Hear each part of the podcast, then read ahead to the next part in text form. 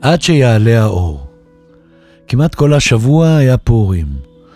לא התחפשתי, אבל אוהב לראות את הנכדים עפים על תחפושות, מצווי הנינג'ה ועד בלש. זה עולמם המגניב. ובעולמי חשבתי לא לכתוב טור השבוע, חשתי שדיברתי המון, הרבה מעבר ליכולות האמיתיות שלי. וגם שדיברו בשמי ושדיברו עליי. ועדיין התיישבתי ביום שלישי לכתוב כהרגלי, נאמן למסורת. והמילים החלו לעוף לי ולהתבלבל לי מול העיניים, כי אני יודע שזה לא הזמן לכתוב על שינויי מזג האוויר, שנהיה אגב שרבי השבוע. אז אולי אקח את החופש מהכתיבה בשבוע הבא כשאני יוצא לחופשה קצרה. אבל הנה, אני מעלה כמה מהרגשות שהציפו אותי בעשרת הימים הלא פשוטים האלה. ובהתחלה סתם מחשבה שהשתעשעתי בה, היא לא קשורה, או כן קשורה. אני תמיד חושב בליבי שהמילה הפגנה יכולה להתפרש בשתי צורות. גם כאחד שמפגין חיבה ואהבה וטוב לב וסימפתיה, וגם מפגין באמונה את מורת רוחו מהמצב כפי שהוא עכשיו. ושניהם פירושים נפלאים בשפה העברית. ואשר לי, אישית, אתה לא יודע מה תפקידך כזמר? שאלתי את עצמי השבוע, הרי המון זמרים עיצבו את עולמך והשפיעו עליך. טוב, פה אני יותר מהוסס. אני תפקידי, כך כתבתי פעם, לנגב את הדמעות. ועל הבמה לשיר הכי טוב והכי כנה, את השירים שכתבתי בדם ליבי, ושחשבתי שהם אומרים אותי הכי מדויק. אז כן, כשאנשים ששומעים את שיריי רצו לשמוע גם את דבריי, יכולתי להבין אותם. אבל הבנתי פחות את הדרישה לקבוע מתי ומה להגיד ואיך להגיד. והנה עוד שאלה. האם בכלל תפקידם של זמרים לדבר, או בסך הכל לשיר שירי מחאה, או שירים רגילים, או שירי שפיות, בשעה שהאושר בא בזעם? שורה מתוך ירח, שנכתבה בימי ההפגנות הגדולות במלחמת לבנון. מעולם לא הייתה לי תשובה ברורה לזה. אני תמיד הגנבתי את המחאות והקיטורים, וההערות שלי בין השורות, בין שורות אפילו של אהבה אפילו. דוגמאות שעוברות בלי בראש, כרגע מכל הערב דיברנו מילים חדות כסכין, או פוליטיקאים וגנבים בשעות בין הארבעים, או שחיתות בצהריים, בקיץ. זו לא אותה המדינה, זה לא אותו החדר, ואם לא נאט, לא נביט, לא נגיע, ועוד ועוד. אבל אני תמיד חושב שבכל מקרה, כך או אחרת, תהיה אתה. משמע, אתה והיכולות המוגבלות שלך. קראתי מישהו כתב עליי בהגנה דווקא, הוא לא גרוסמן, התכוון אליי, ביכולת הדיבור שלו, וזה נכון. אני אפילו לא רבע גרוסמן. מה לעשות? היו כל מיני ילדים שונים בכיתה, לפי ספר הדקדוק הפנימי. לפני uh, זמן כתב לי פרופסור מכובד וחכם שאני מכיר מנעוריי, בתובענות אופיינית לימים טרופים אלה, אבל בדם ליבו, שאני אדבר לפחות בשם אבי, אמי ואחותי המתה, כי מה הם היו אומרים על המצב? לא יודע מה הם היו אומרים, עניתי לו בעצבים על התובענות, ולצערי הוספתי, אין לי יכולת לתקשר איתם. הייתי רוצה, אבל אין.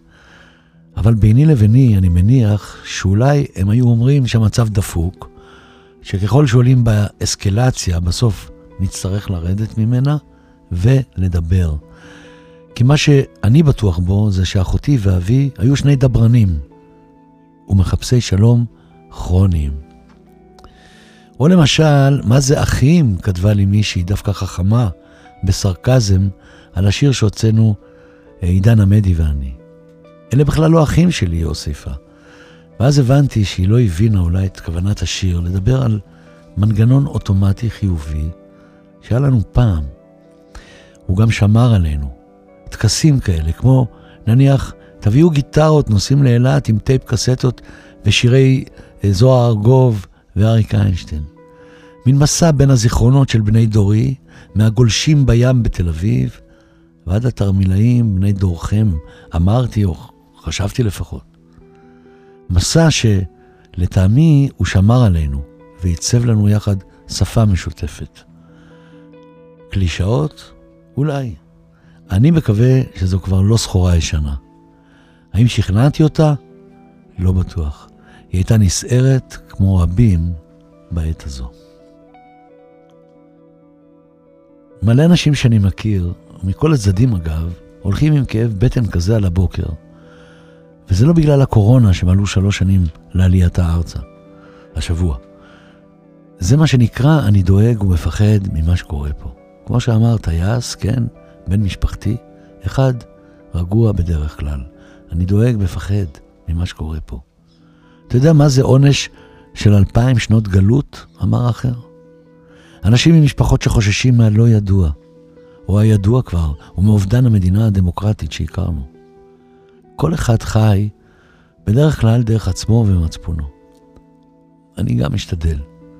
ואני מאמין שבסוף, כמו בשיר ששמעתי בהופעה של זמר ישן בשם פיט סיגר, זמר אמריקאי, אני חושב שהייתי אז נער בן עשר, והוא שר עם כל הקהל את We shall overcome. We shall overcome. אנחנו נתגבר. בעברית. איך זה לעמוד בעין הסערה? שאל אותי הבן שלי בדאגה. לא הכי נעים, אמרתי בכנות. אני לא ארוס על החשיפה הזאת, אני חושב שאפילו רזיתי מזה. והנה שאלת מנו גבע שמציקה לי, האם צריך לעשות משאל זמרים מה כל אחד חושב? והתשובה היא שאחד מכללי הדמוקרטיה היא חירות המחשבה והדיבור, ושכל אחד יכול להחליט מתי, ואם בא לו להגיד משהו, ולא להיות מוכתב דעה. אתם יודעים מה אחד הדברים הכי נפלאים במדינה הזאת? הוא שיש עדיין מדינה, בחיי. שבט החורש, שהיה שבט הצופים שלי, עברתי שם לפני שבוע, בירקון, הייתה פעילות מרגשת של צעירים שבנו גשרים מסנדות. סנדות זה כאלה חתכות עץ. אולי זה הפורימון. מיד התחשק לי להצטרף, רק מי יקבל נוער בגילי לצופים? אני בכלל מתעקש עדיין להתבונן בעיני המדינה, גם עכשיו, בשעה שכולם רבים עם כולם. כי בעיניי כלום לא מובן מאליו, כלום, גם לא המדינה הזאת. אבל אנחנו עדיין עומדים ביום ראשון, אחרי הפגנות, בקופת חולים, בבתי המרקחת, בתור לעוגות, בתחנות הדלק, איפה לא, אוטובוסים. קראתי ש-120 אלף נסעו לשמורות הטבע בשבת שעברה, ובערב חלק הפגינו. הכל מתערבב וקצת שמח, קצת עצוב. והכי מרגש זה שבתי הספר מלאים בילדים שלנו. ושאחד מרגעי הדמוקרטיה הכי גדולים זה שמתחשבים בהם. למשל, שאם יש ילד אחד שסובל מאלרגיה לבוטנים, ההורים מקבלים הודעה, אל תכינו לילדיכם סנדוויצ'ים עם בוטנים, הכוונה לממרח בוטנים. זו אמנם יותר סולידריות, אבל בשם הדמוקרטיה. אחים קטנים בדרך להיות אחים גדולים, אז תנו לילדים לגדול בשקט. שני ההורים שלי נמנו בתחילת המדינה על קבוצה ציונית שנקראה במאבק. רק שהם נאבקו אז נגד הבריטים ששלטו בארץ. ואילו אנחנו נאבקים עכשיו מאבק צודק וחשוב על עצמנו וזהותנו ועתיד ילדינו ועבר הורינו. קראתי אצל פסיכולוג אחד, אפילו בשבוע שעבר, נדמה לי, שפרויד אמר שהאיברים הרגישים בגוף נפגעים ראשונים במאבקים כאלה. עכשיו, מה הם האיברים הרגישים פה בארץ? אז שכל אחד יעשה את החשבון לעצמו וישמור עליהם. וכאחד ששר, אני מתפלל רק שלא יאלץ לשיר הלוך ושוב בקיץ הקרוב את לב שבור לרסיסים. ובין מי שממהרים לקבוע חוקים, ומי שמבקשים לעצור ולהגיע להסכמות רחבות, ייפתח לב גדול כן, אנחנו נזדקק לנחישות כדי להציל את הדמוקרטיה הישראלית שבסכנה. ואשר לפרופסור שביקש שאדבר בשם הוריי ואחותי המתים, הוא כתב לי מרגש ומעודד לפני כמה ימים שוב, והפעם הרשו לי לצטט אותו במדויק, וככה הוא כתב: תודה על המילים שאמרת, כתבת ושרת. ואם ייעלם החושך ויעלו האורות גם על הבמה בקיסריה, אני שוב אעמוד שם בקהל עם הילדה והנכדה שלי, ואשיר איתך, והפעם גם אומר להן, אני אוהב את האיש הזה על הבמה. האמת שגם עכשיו, וגם כשקראתי את זה, בכיתי מהתרגשות ממה שהוא כתב. ועל זה היו הוריי ואחותי אומרים לו בטוח, היי, הוא קצת רגיש, לא היית צריך לגעת לו, כלומר לי, במקום שמייצר דמעות. כי מי ינגב לו אותן? זהו, עד שיעלה השחר, שתהיה לכם אה, שבת טובה ובריאות טובה, ושיהיו לנו כבר ימים טובים, וחוכמת החיים שלנו תנצח. שבת שלום, שלמה ארצי. ושבוע אחרי שבוע הם ניגנו על פילוח. פעם אחת בעיר זרה ופעם בכפר. עלו על הבמה, שטפו כמו ים, נשבו כמו רוח. ניצוץ אחד מדליק, מדורת הצלחה. ובאותה שנה הבאתי לך תקליט.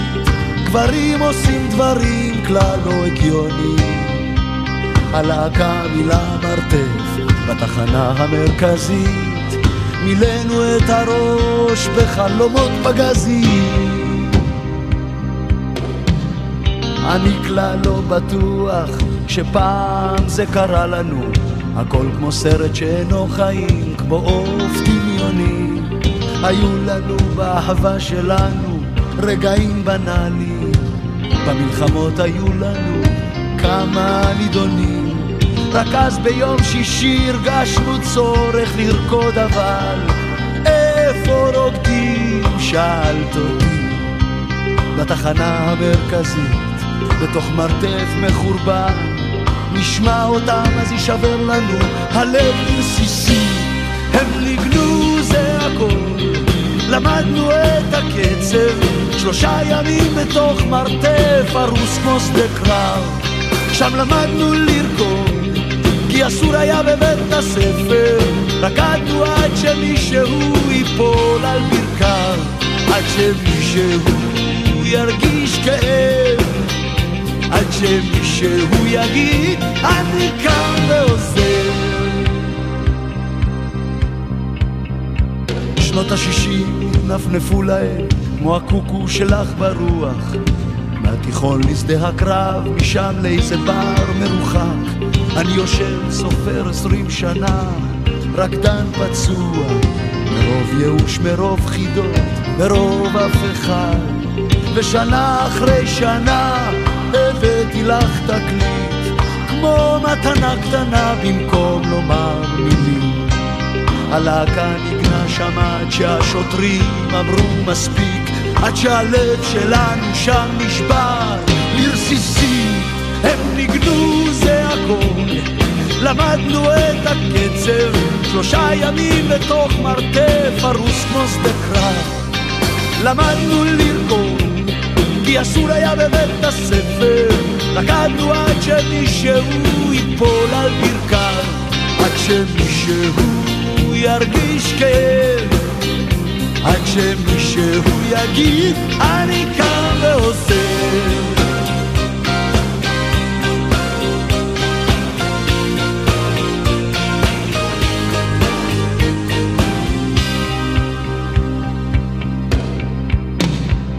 אני קם ועוזב בלילה, כפות בתוך פיג'מה. גם בקיץ' יש שמץ של אמת, הכל הולך. אני משאיר לך את הבית, את הלב השארתי שם, שבור לרסיסי, מוטל ליד ליבך. הם ניגנו זה הכל, למדנו את הקצב, שלושה ימים בתוך מרתף ארוס כמו שדה קרב. למדנו לרקוד, כי אסור היה בבית הספר, רקדנו עד שמישהו ייפול על ברכיו. שמישהו ירגיש כאב, עד שמישהו יגיד אני כאן ועוזב, הם ניגנו זה הכל, למדנו את הקצב, שלושה ימים בתוך מרתף ארוס כמו שדה קרב, למדנו לרקוד, כי אסור היה בבית הספר, רקדנו עד שמישהו ייפול על